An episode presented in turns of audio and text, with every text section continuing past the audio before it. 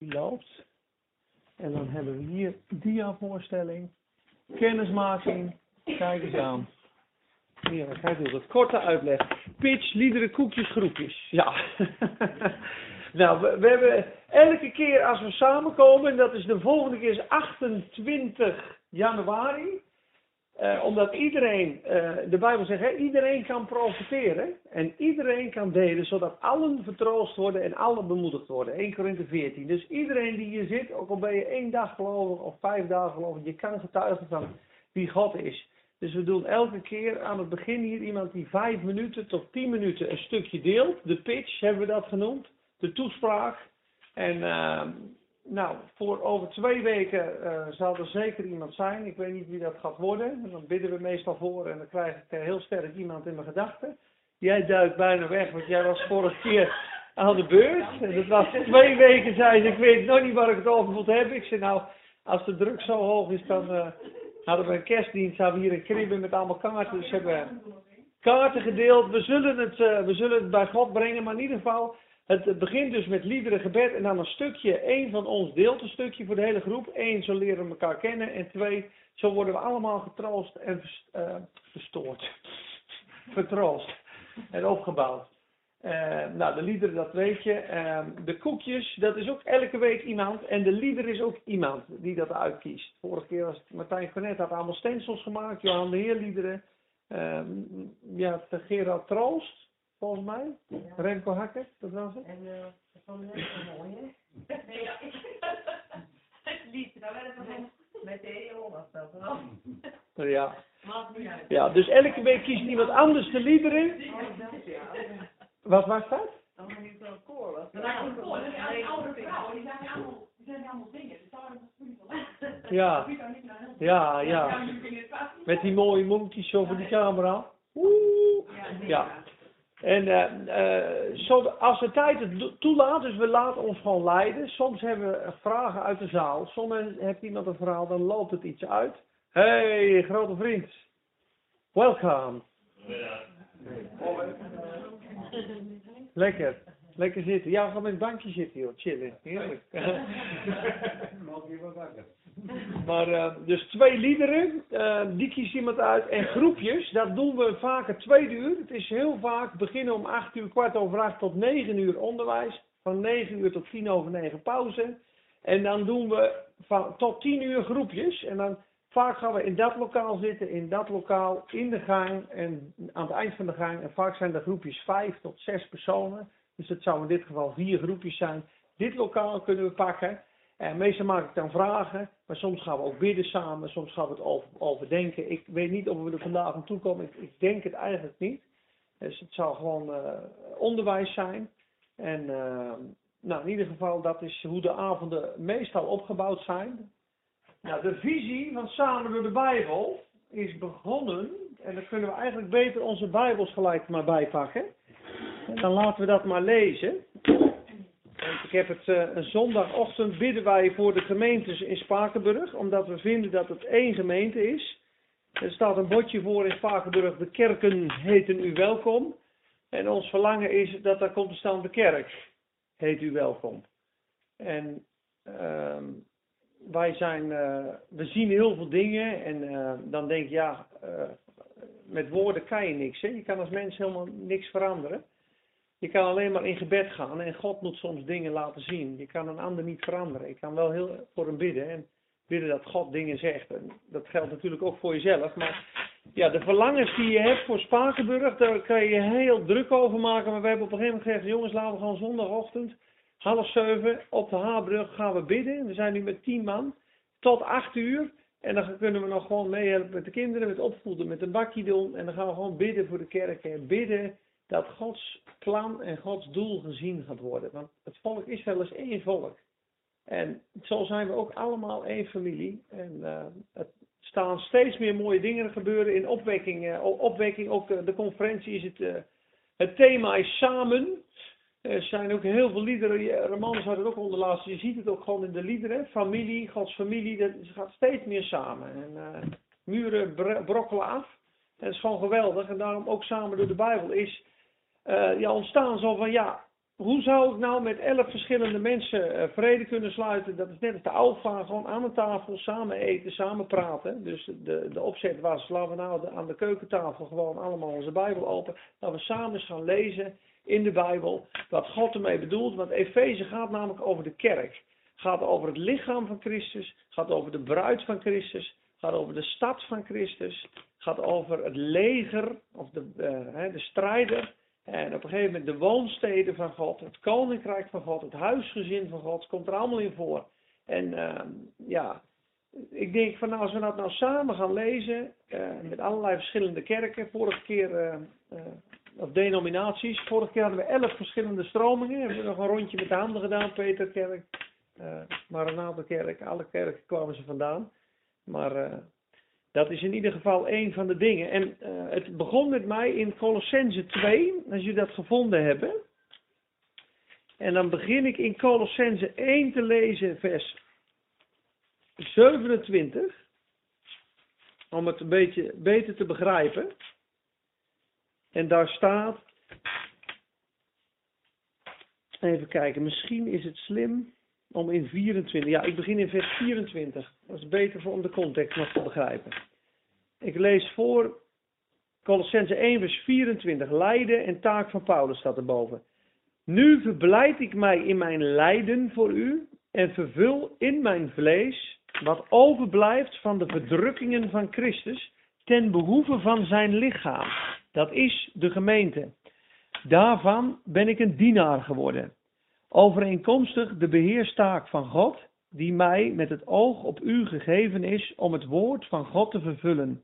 Namelijk het geheimenis dat eeuwen en geslachten lang verborgen is geweest, maar nu geopenbaard is aan zijn heiligen.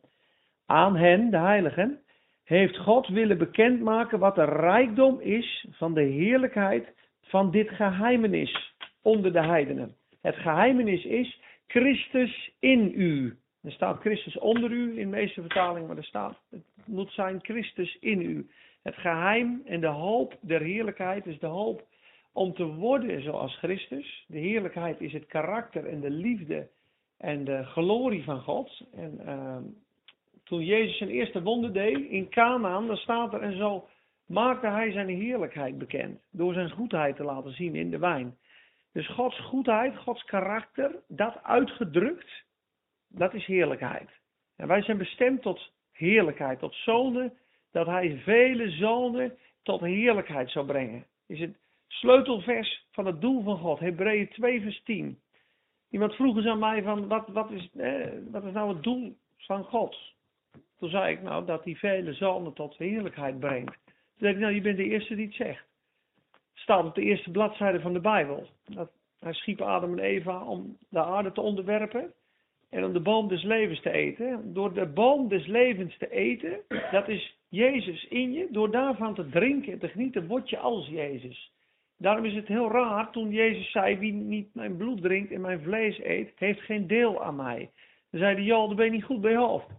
Dit is een heel moeilijk verhaal, wie kan dat verstaan? En toen zei hij, ergert u dit? Wat dan als de des mensen terug zou komen de wolken des hemels, et cetera, et cetera. En toen werden ze nog meer geërgerd. 666, hè? vers 666, Johannes 666. Toen werden, waren velen, wilden zijn discipelen niet meer zijn. Er bleven er twaalf over. En toen zei hij, de dingen die ik spreek zijn geest en zijn leven. Dus ze begrepen hem niet. Maar Jezus is de boom des levens, waarvan ze hadden moeten eten. Nou, omdat ze aten van de verkeerde boom, kwam de dood in Adam en Eva. En werd er een gerubs voor de boom des levens geplaatst, dat zij niet zouden eten van die boom en voor altijd in de gevallen staat zouden blijven. Sommige mensen, dan kun je de, de algehele verzoeningsleer kun je daarmee tackelen. Sommigen zeggen, Jezus is gestorven voor iedereen, hij is gestorven voor de zonde van de hele wereld, wat waar is. En zeggen daarmee dat dat ook tegelijk ten deel valt aan alle mensen op aarde. Dus iedereen op dit moment is al opnieuw geboren, is al een kind van God, maar weet het nog niet. Nou, dat is absoluut onmogelijk, want dan zou God dus de gerubs voor hun weg moeten halen. Want dan zijn ze in gevallen staat, zouden ze eten van de boom des levens en zouden ze in de gevallen staat terugleven. Doorleven. Dus dat zou God nooit doen.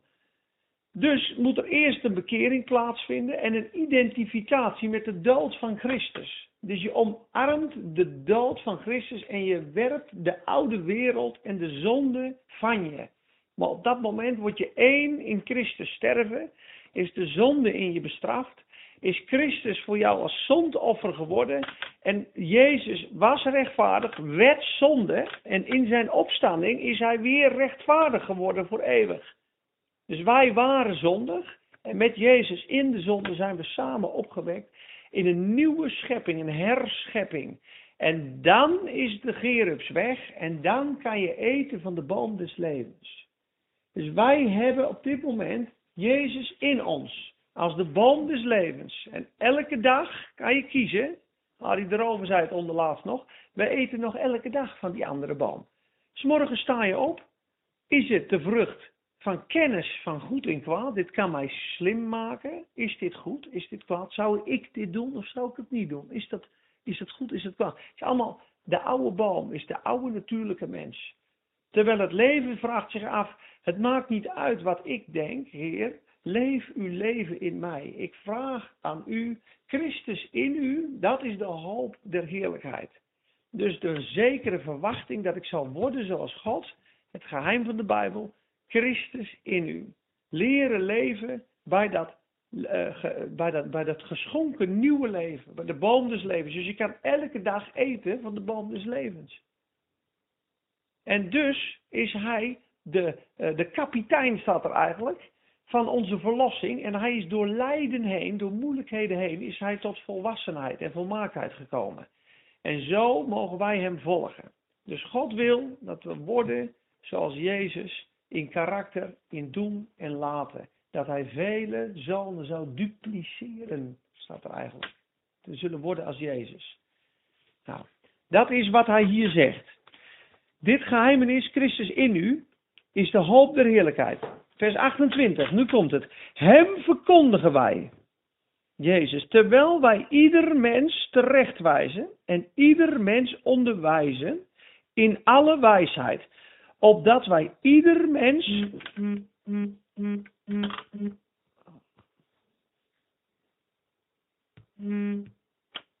Jammer, want vaak stopt dan de opname. Nee, dat gaat door, sorry hoor. Opdat wij ieder mens volwassen zouden stellen in Christus Jezus. Er staat volmaakt, maar er staat eigenlijk full grown, volgroeid. Dus hij spreekt tot kinderkens in Christus, die hebben melk. En wat Paulus doet is, wij moeten opwassen tot volwassen zonen. Nou, nu komt het. Vers 29. Ik span mij daarvoor in dat je op, opgroeit. Overeenkomstig de werking van God die met kracht in mij werkzaam is.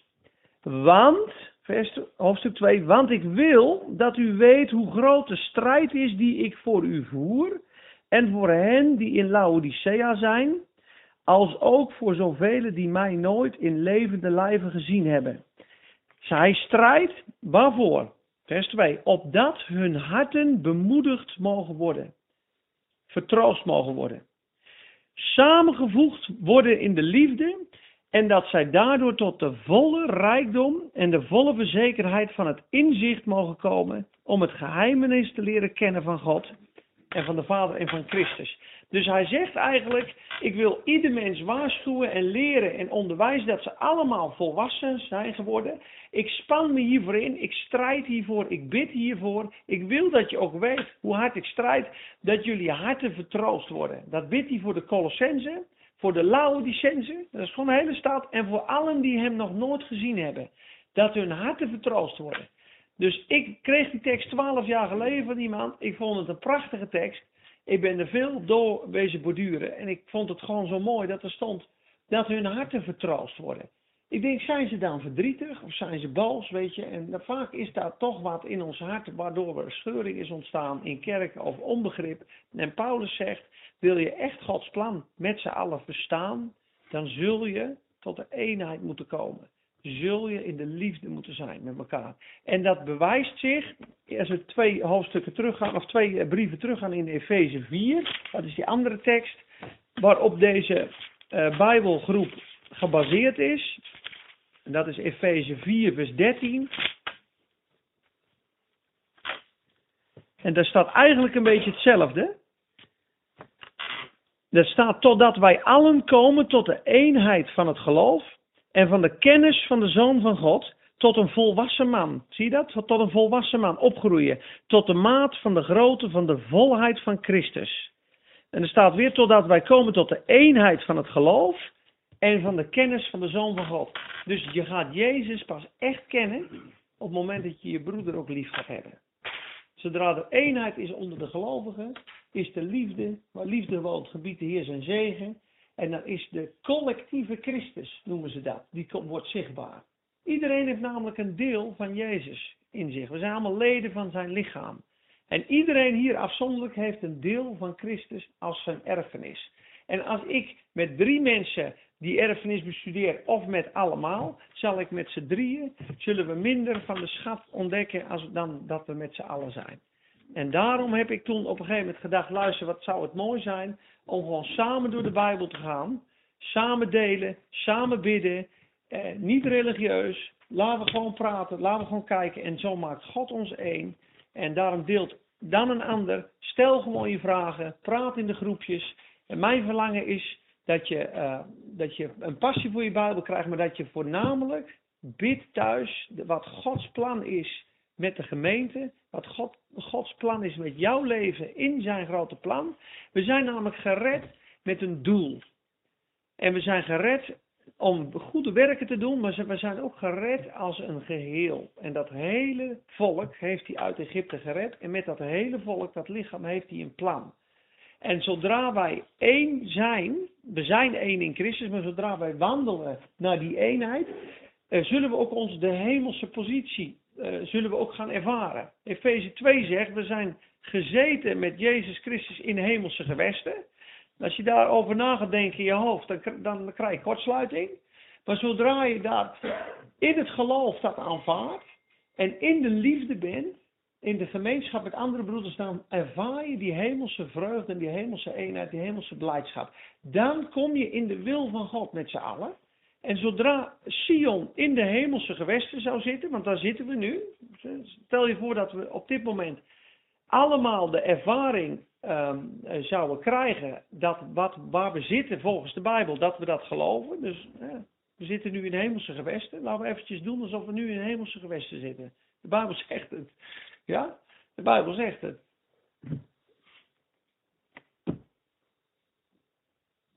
Hi. Hi. Kom je ook luisteren? Ik kom even luisteren. Nou, ga lekker zitten. Waar je wil. Ja. Goedenavond. Hoi. Je. Ja, ik heb je. Ik, waar heb ik je nou het laatst gezien?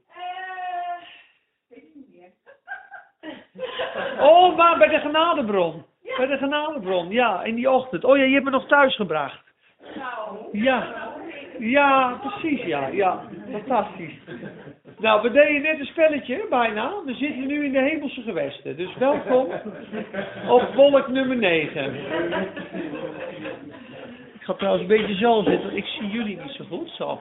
Nee, het is zo, we zitten volgens Efeze 2, en daar gaan we straks ook lezen in de context, we zitten in hemelse gewesten. Ja?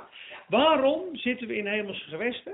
Omdat wij in Jezus Christus zijn met Hem verbonden zijn. En Jezus is opgewekt en is gezeten aan de rechterhand van God, aan de troon van de hemelen van de majesteit Gods. Ja? U zijt met Christus opgewekt en uw leven is verborgen met Christus in God. We leven daar. Waarom leven we daar? Om de wil van God tot uitvoer te brengen. Ja, we regeren met Christus. Nou, zijn overwinning heeft ons ver boven alle macht, alle kracht, alle heerschappij en alle naam gebracht. Ja, de Satan, de boze macht zijn onder onze voeten. Op het moment dat wij die positie vasthouden, zien hoofdstuk 6, hou dan stand. Laten we stand houden. Eigenlijk is het gewoon de overwinning vasthouden. We zitten in de hemelse gewesten in Christus Jezus. En dan staat er totdat alle vijanden tot zijn voetbank gemaakt zijn. Nou, het moment dat de gemeente in de hemelse gewesten opstijgt, boven alle macht en kracht, en God gaat aanbidden, en samen Gods bevelen gaat uitbidden op de aarde, dan wordt de bevelen van de troon van God door het hemelse Sion tot uitvoer gebracht. Dan sticht God zijn koninkrijk door de gemeente. Dan wordt het koninkrijk van Satan afgebroken en groeit de kerk, groeit de gemeente. Tot de volle wasdom van het lichaam van Christus. Tot een volwassen bruid. Totdat de volheid daar is. En dan zegt God, en nu is het einde. En daar wacht God op. En Satan is er dus als de kippen bij.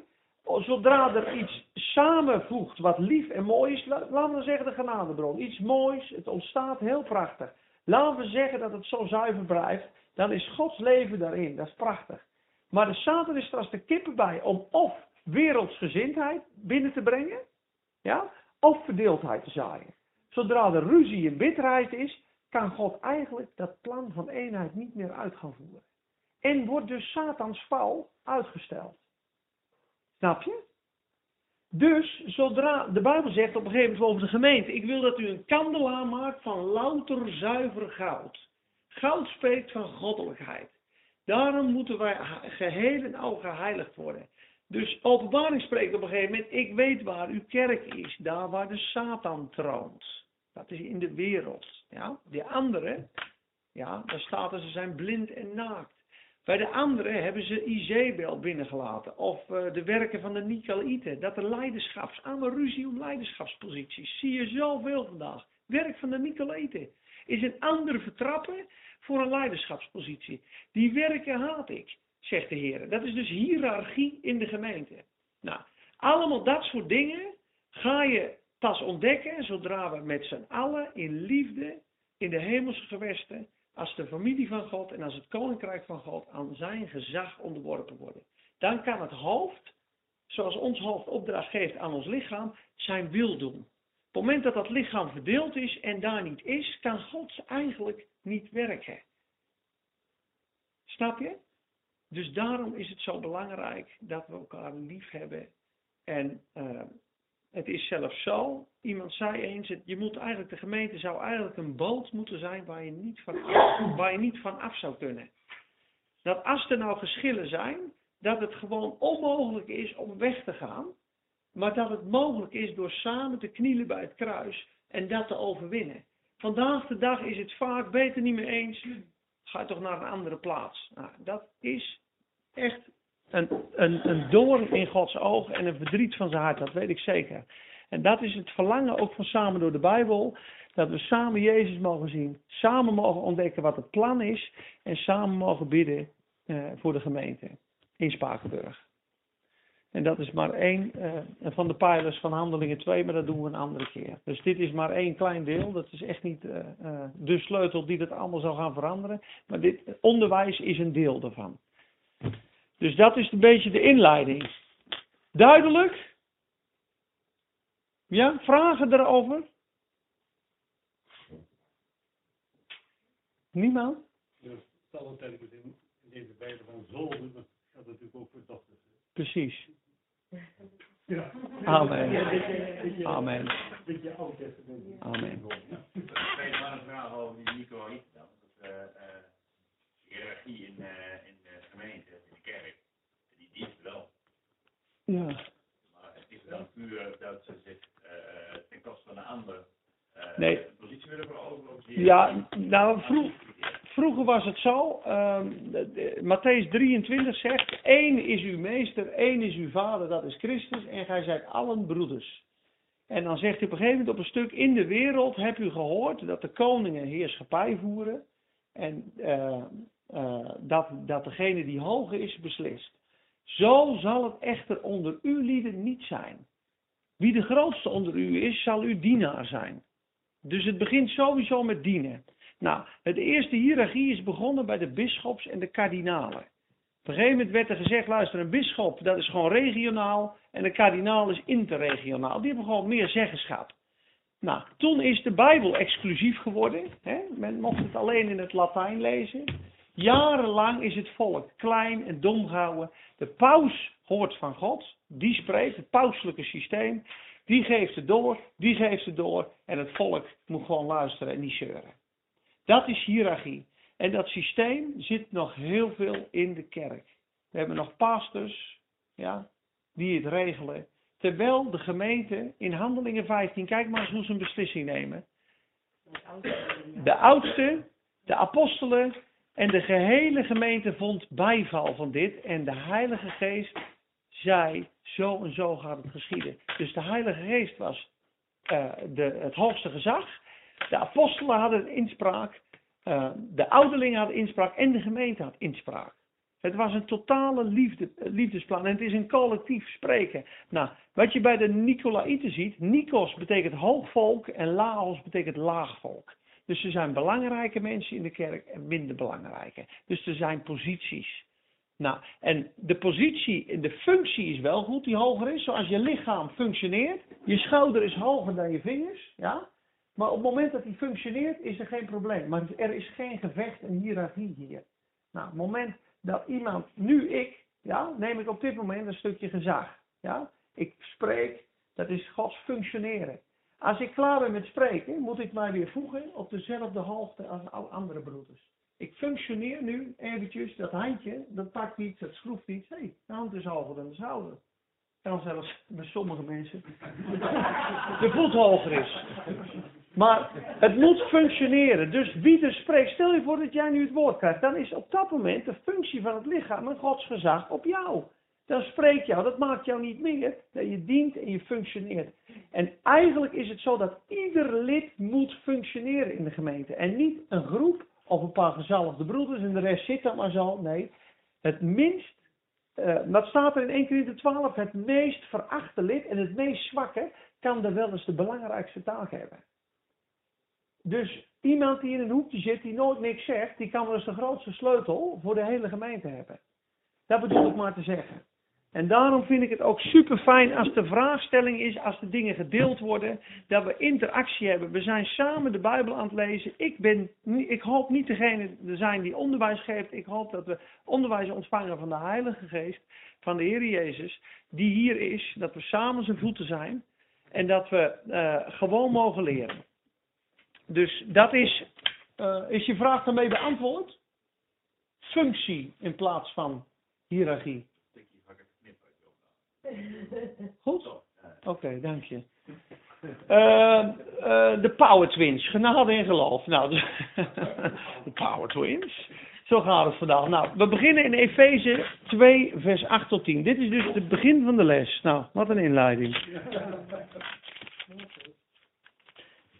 En laten we dan ook maar beginnen in vers 4 te lezen, want ik heb het niet helemaal uitgetikt. Het is namelijk vandaag de dag, de herziene statenvertaling is niet meer gratis online. Dus als ik dan online teksten wil doen, dan zijn er allemaal icoontjes en verwijzingen. Dus ik kan hem niet meer copy-pasten. Dus ik moet alle teksten uittypen van mijn Bijbel. Dus ik denk, ja, ik ga niet alle stukken helemaal typen. Dat wordt gewoon te lang. En iedereen heeft een Bijbel. Dus uh, eigenlijk had het vers 4 tot vers 10 moeten zijn. Efeze 2 vers 4. Wat leuk is, jongens, uh, is dat uh, Jan heet je? Ja. 4, 5, 6, 7, 8, 9, vers 10. Efeze 2, vers 4. Maar God, die rijk is in barmhartigheid, heeft ons door zijn grote liefde, waarmee hij ons lief gehad heeft. Zelfs al waren wij door onze overtredingen dood hij heeft ons samen met Christus levend gemaakt. Wat een genade, dat u gered bent, is enkel en alleen genade van God. Hij heeft ons samen met hem uit de dood opgewekt en ons een plaats gegeven in de hemelsferen in Christus Jezus. Om in de komende eeuwen de overweldigende rijkdom zijn de genade te tonen, maar zijn gebroedierheid over ons in Christus Jezus. Door zijn genade bent u nu immers gered, dankzij uw geloof, maar dat dankt u niet aan uzelf, het is een geschenk van God. Niet uit werken, opdat niemand roemt. Want wij zijn zijn maakte geschapen in Christus Jezus om goede werken te doen, die God van tevoren bereid heeft, opdat wij daarin zouden wandelen. Amen. Nou, waar gaat het vanavond over? Want uit genade bent u zalig geworden door het geloof. En dat geloof niet uit u, het is de gave van God. Niet uit werken, opdat niemand zou roemen. Dus we zijn gered uit genade door het geloof, maar ook het geloof is een gave van God.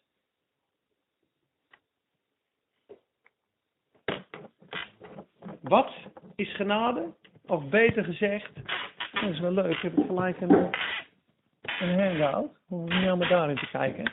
Genade is onverdiende gunst, dat is een beetje een, ehm, hoe moet ik het netjes zeggen? Dat is een beetje een eh, uitspraak die tekort doet aan de rijkdom van de genade. Allereerst, ik doe het in het Engels omdat het dan beter is. Wij hebben namelijk in Nederland voor barmhartigheid, mercy, hebben we ook het woord genade. De Heer is genadig. Het staat eigenlijk, de Heer is merciful. En zijn genade, zijn favor, zijn gunst, is ook genade.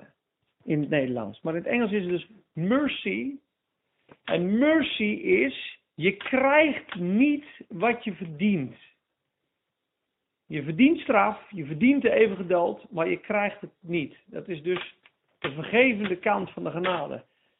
Favor is je krijgt iets wat je niet verdient. God geeft je zijn geest, zijn kracht, zijn gaven, zijn erfenis, zijn bloed, zijn woord, zijn zoon, zijn toegang, zijn naam, zijn alles. Alle dingen zijn gij rijk geworden. Om niet. Dat geeft hij uit genade. Dus het is mercy en favor. Op het moment dat je dus zegt unmerited favor, zeg je eigenlijk onverdiende gunst, zeg je eigenlijk maar het is maar één kant van de genade. Dus iemand zei dat een keer heel mooi.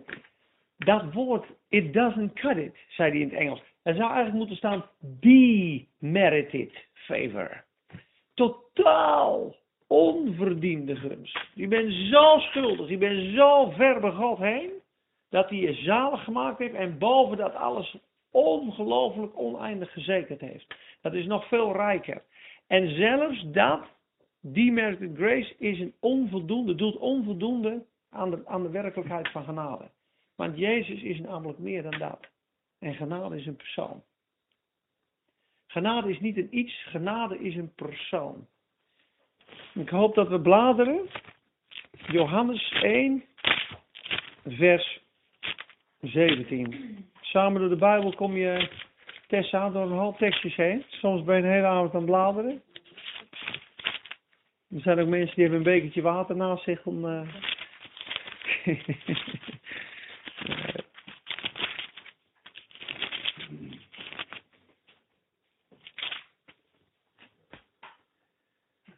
Dank u Heer Jezus. Dank u Heer dat u spreekt.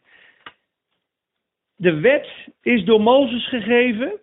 De genade en de waarheid zijn er door Jezus Christus gekomen.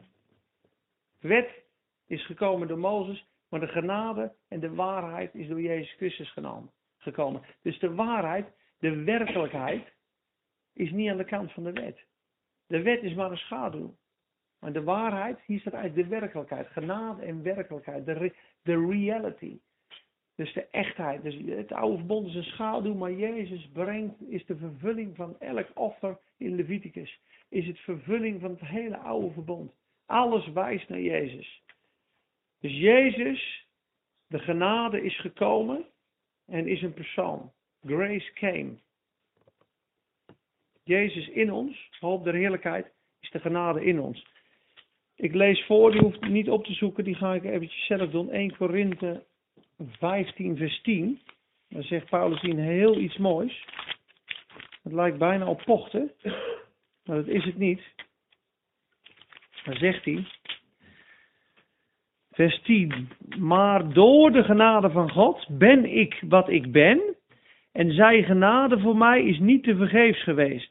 Integendeel, ik heb mij meer ingespannen dan zij allen. Meer gewerkt dan alle, alle werkers in de evangelie.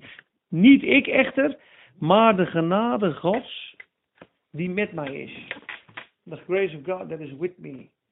En 2 Korinthe uh, uh, 4 vers 13 zegt het is de geest van het geloof. En Hebreeën 10 vers 29 zoeken we nu niet op zegt de geest der genade. Heb gij smaadheid gedaan. Dus de genade is een geest, genade is een persoon die in je woont. En die persoon heeft meer gedaan dan je verlossen van de zonde en je alles geven. Want die, die is nog veel groter en veel rijker. Daarom zegt Efeze 2 vers 7 dat hij in de eeuwigheid die zal komen de rijkdom van zijn genade aan ons zal tonen. Dus dat duurt de hele eeuwigheid der eeuwigheid zal God nodig hebben om de grootheid van zijn genade aan ons te tonen. Dus genade is Jezus Christus in je. Genade is, je bent gered. Genade is Hij doet alles voor je. Maar genade is ook ehm, eh, als je iets niet kan. Dus morgen ga je naar je werk, je ziet op tegen een gesprek. Ja, en dan zeg je, Heer, geef mij genade voor dit gesprek. Geef mij onverdiende gunst, wijsheid. Er staat een hele mooie vertaling. Dat genade is divine influence upon the heart. Vind ik heel mooi. Een goddelijke beïnvloeding op je hart. Je bent boos, je moet iemand vergeven. Ik heb het zat vaak meegemaakt. Ik zei nou, luister, ik mijn natuur opvolg. Ken je dat? Ik mijn natuur opvolg, dan geef ik hem een shut. Onder de douche, ge- gewoon tegen God gezegd hoe boos ik was. Ik ben ontzettend boos, het liefst shup ik hem gewoon, want dat kan gewoon niet. Maar u zegt in uw woord dat je de vijanden lief moet hebben, dat je ze moet zegenen. Dus ik kies ervoor om te zegenen. Geef mij genade om te doen wat u vraagt in uw woord, want ik kan dat niet. Dan komt de liefde, dan komt de genade en ineens kon ik hem zegenen. En dacht ik, ineens kwam de gedachte bij me, ach man, de Heer is in me. De Heer heeft de voeten van Judas gewassen. Dan niet weet Judas gaat mijn vraaien. Ik was zijn voeten. Hij had zijn lief tot het laatste toe, staat er.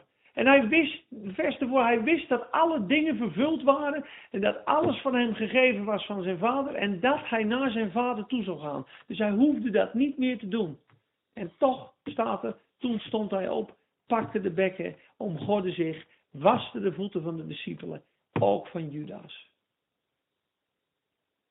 Dat kan niet.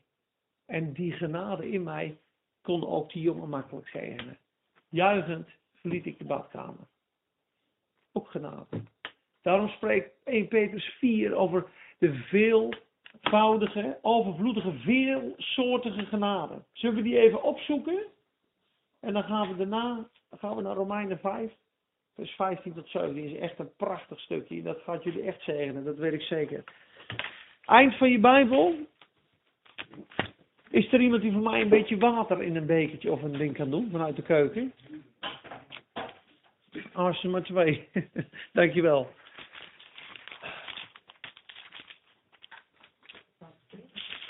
Eén Petrus 4, vers 10.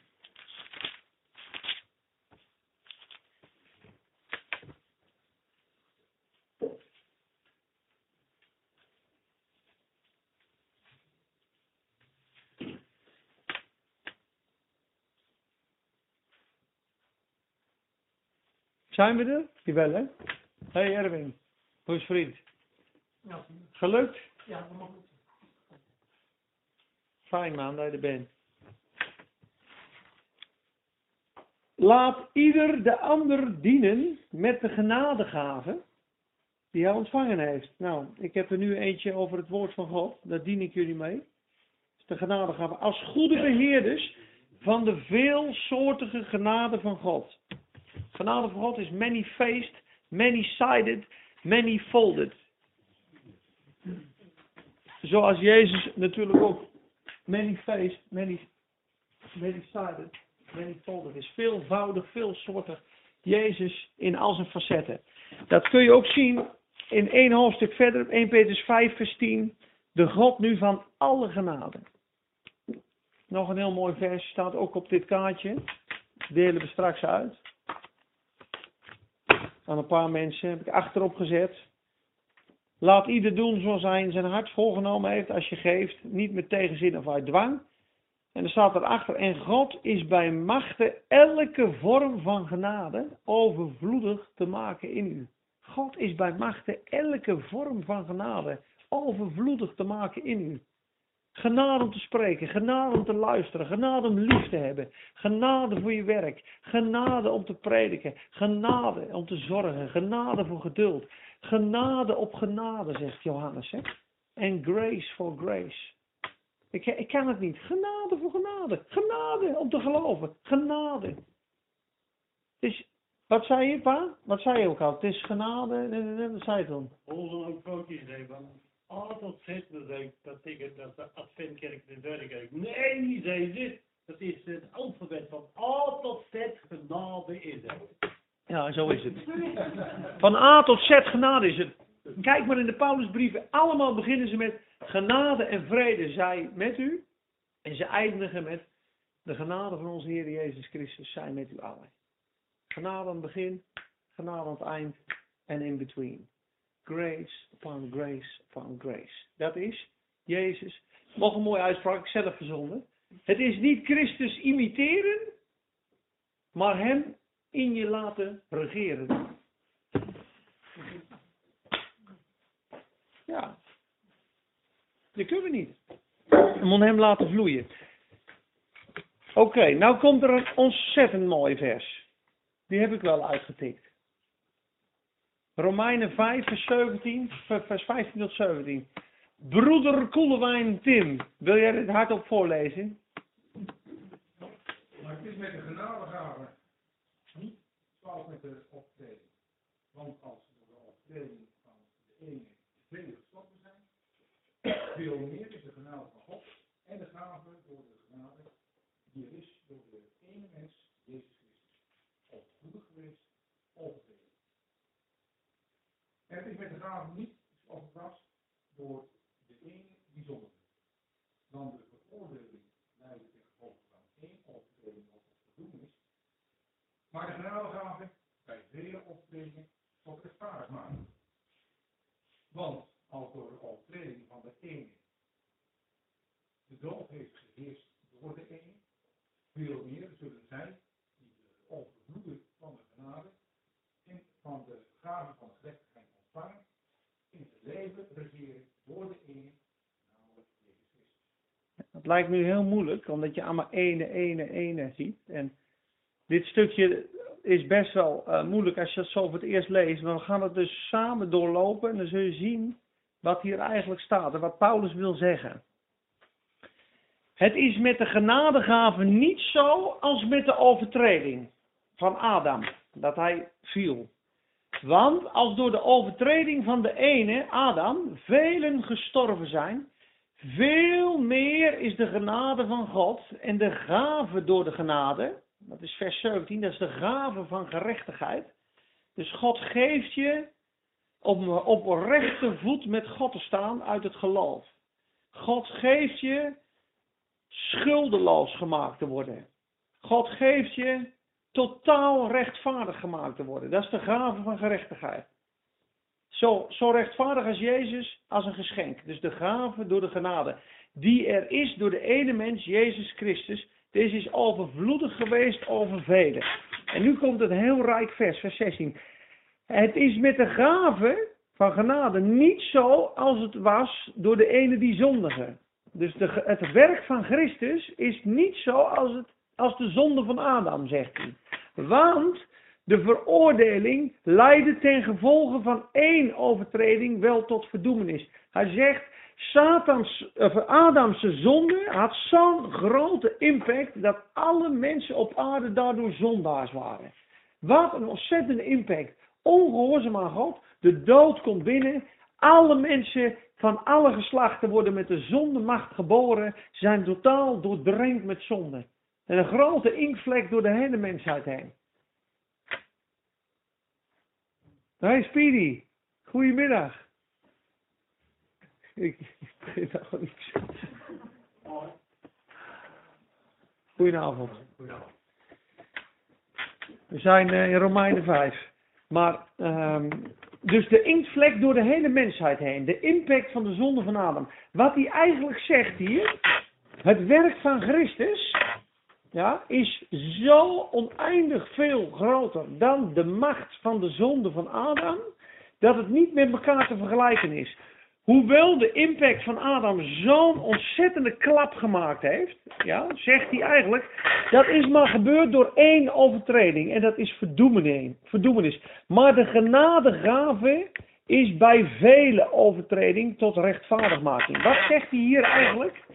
Ik heb van de week uitgerekend, er zijn 90 miljard mensen op aarde geweest. Vanaf het begin van de tijden tot nu. Nu zijn er 15 miljard op aarde, of 15, nee, zeg niet goed, 6,9 miljard. En de generaties zijn zo'n zo 30, 40 jaar. En uh, eerst waren we in de ijstijd al voor, weet ik veel tijden. Is in ieder geval op 6000 jaar gebaseerd. Dat de gemiddelde komen op 80 miljard mensen. Nou, 80 miljard mensen, 70 jaar gemiddelde leeftijd. 365 dagen per jaar. Ja? Dan kom je op 2 biljard dagen. Ja? Nou, als je alle overtredingen van al die mensen van alle tijden zou nemen. Ja? Dan heb ik, had ik het op een gegeven moment, denk nou laten we het op 10 zondes per dag houden. Ja, dan gaan we natuurlijk allemaal ver over uit. Dan zou je dus ja, op 20 biljard keer ja, zoveel impact als de zonde van Adam maar spreken. Dus hij zegt eigenlijk, Adam doet dat, dat groot hè.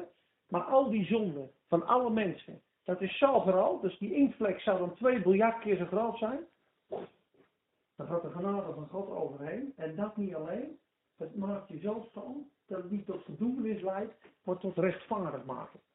Dat zegt hij eigenlijk. Het is niet met elkaar te vergelijken. In de Amplified Bible staat het nog mooier. Not even to be compared is the gift of grace and the person by the transgression of Adam. Dus Adam's zonde, daar praten we zoveel over. Jongens, wat een zonde, wat een impact. Alle mensen. 20 biljard keer, minimaal. Impact van het bloed van Jezus. Dat staat er. En daarom praat in vers 17, ja, want als door de overtreding van de ene, hij gaat het nu weer uitleggen, de dood heeft geheerst door die ene, door Adam, veel meer zullen zij die de overvloedige overvloed van die genade, ja, en de gave van gerechtigheid ontvangen. Ja, alles is gedaan, alles is vergeven, alles is weggespoeld. In het leven regeren. Dan regeer je over zonde, dan regeer je over dood, dan regeer je door genade. En dan kijk maar eens verder in je Bijbel in vers 21, 5 vers 21, wat daar staat. We hebben het nu dus over genade. Genade is een persoon. Hoe opereert genade? Daar hebben we het nu over. En vers 15 zegt, de genade is oneindig veel groter. Bam, goed zo. wat een knuppel. Nou ja, dus in ieder geval uh, genade. Hè? Overvloedig. Ja. In ieder geval, uh, waar we het nu over hebben is dus, hoe begint de genade te opereren in je leven? En straks gaan we het over geloof hebben. Genade begint eerst door het woord te horen van de waarheid. De waarheid over de genade, de waarheid van de Bijbel, brengt het geloof. Nu lezen we samen, de impact van de zonde is een lachetje voor de genade. Grace is super, hyper staat er. Hyper hypergrace, hypergrace, maar het is super, super overvloedig. De genade. De zonde is, eigenlijk de zonde zou je kunnen vergelijken met Satan en de genade met God. Dus Satan en God. God is oneindig veel groter en machtiger dan Satan. Dat wordt hier gezegd. Bedankt. Uh, ja.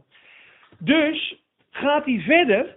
Hoe krijgen we die genade tot opereren? Eén, hij is ontzettend veel groter. Twee, die genade moet je ontvangen. En de gave der gerechtigheid. Dit is de sleutel.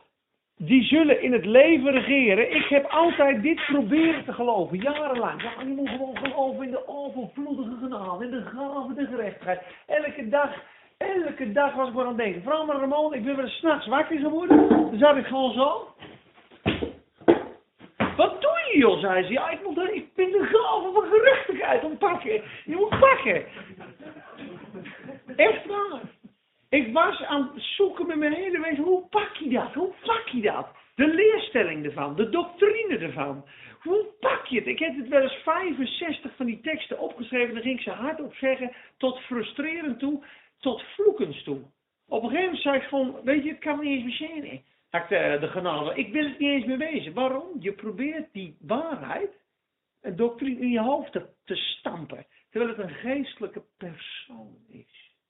Want er staat namelijk, zij zullen in het leven regeren door die ene, namelijk Jezus Christus. Genade, zegt Ari erover heel mooi, kan alleen stromen in een relatie.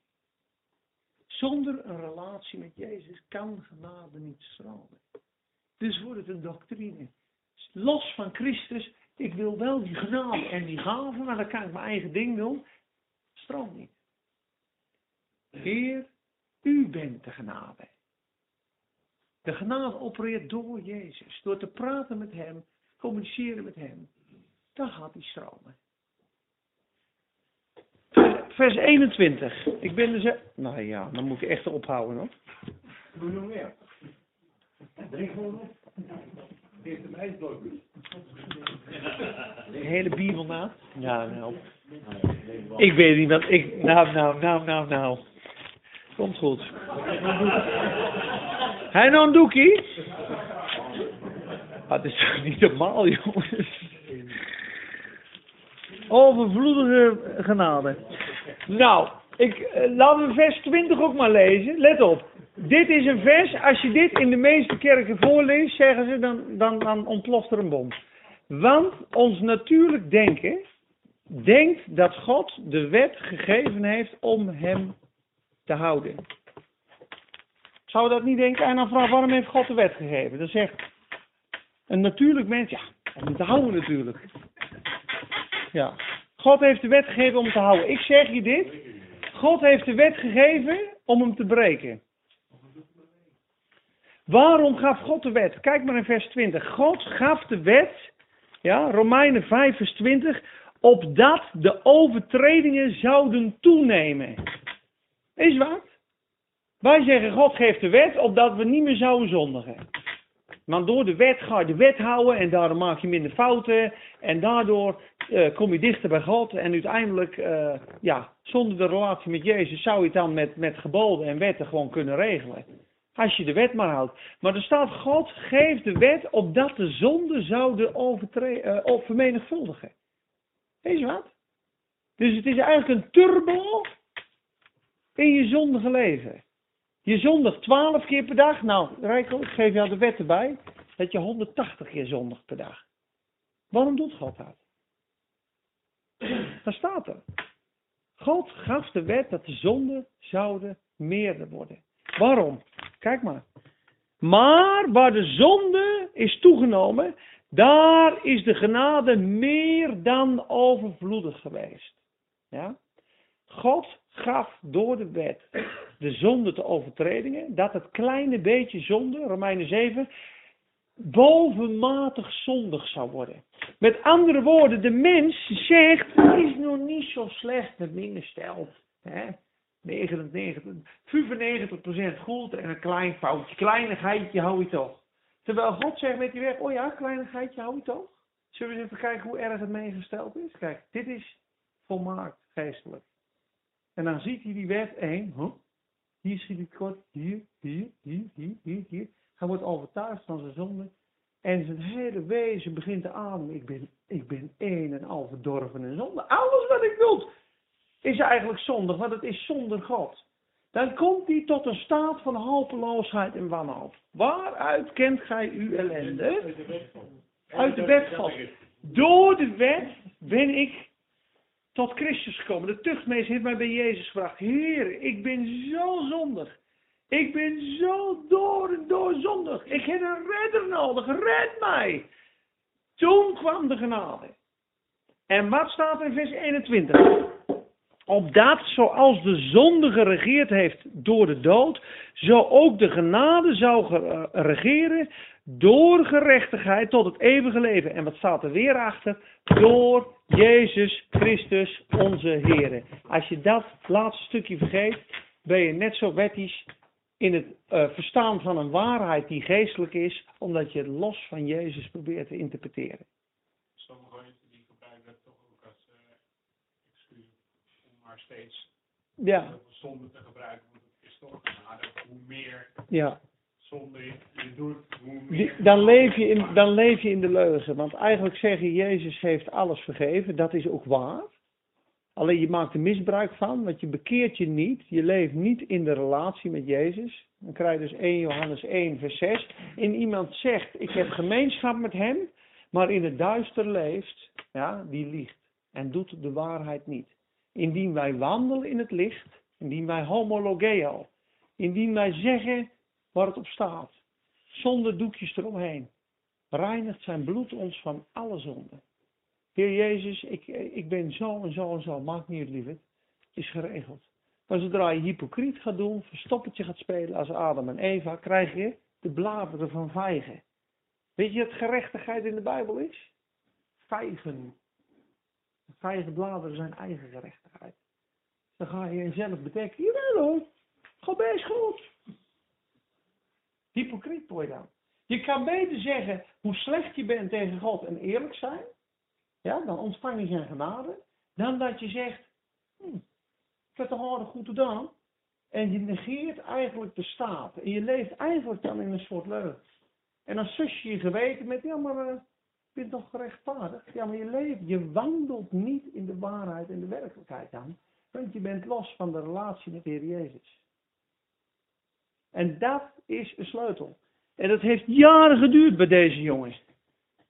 Met al zijn teksten en kennis. Het komt niet aan. Het kan niet stromen. Genade kan alleen stromen in een, in een relatie. En blijf in de wijnstok. Dan ontvang je de sappen, de genade. En draagt gij veel vrucht. Anders word je gewoon een fariseeër.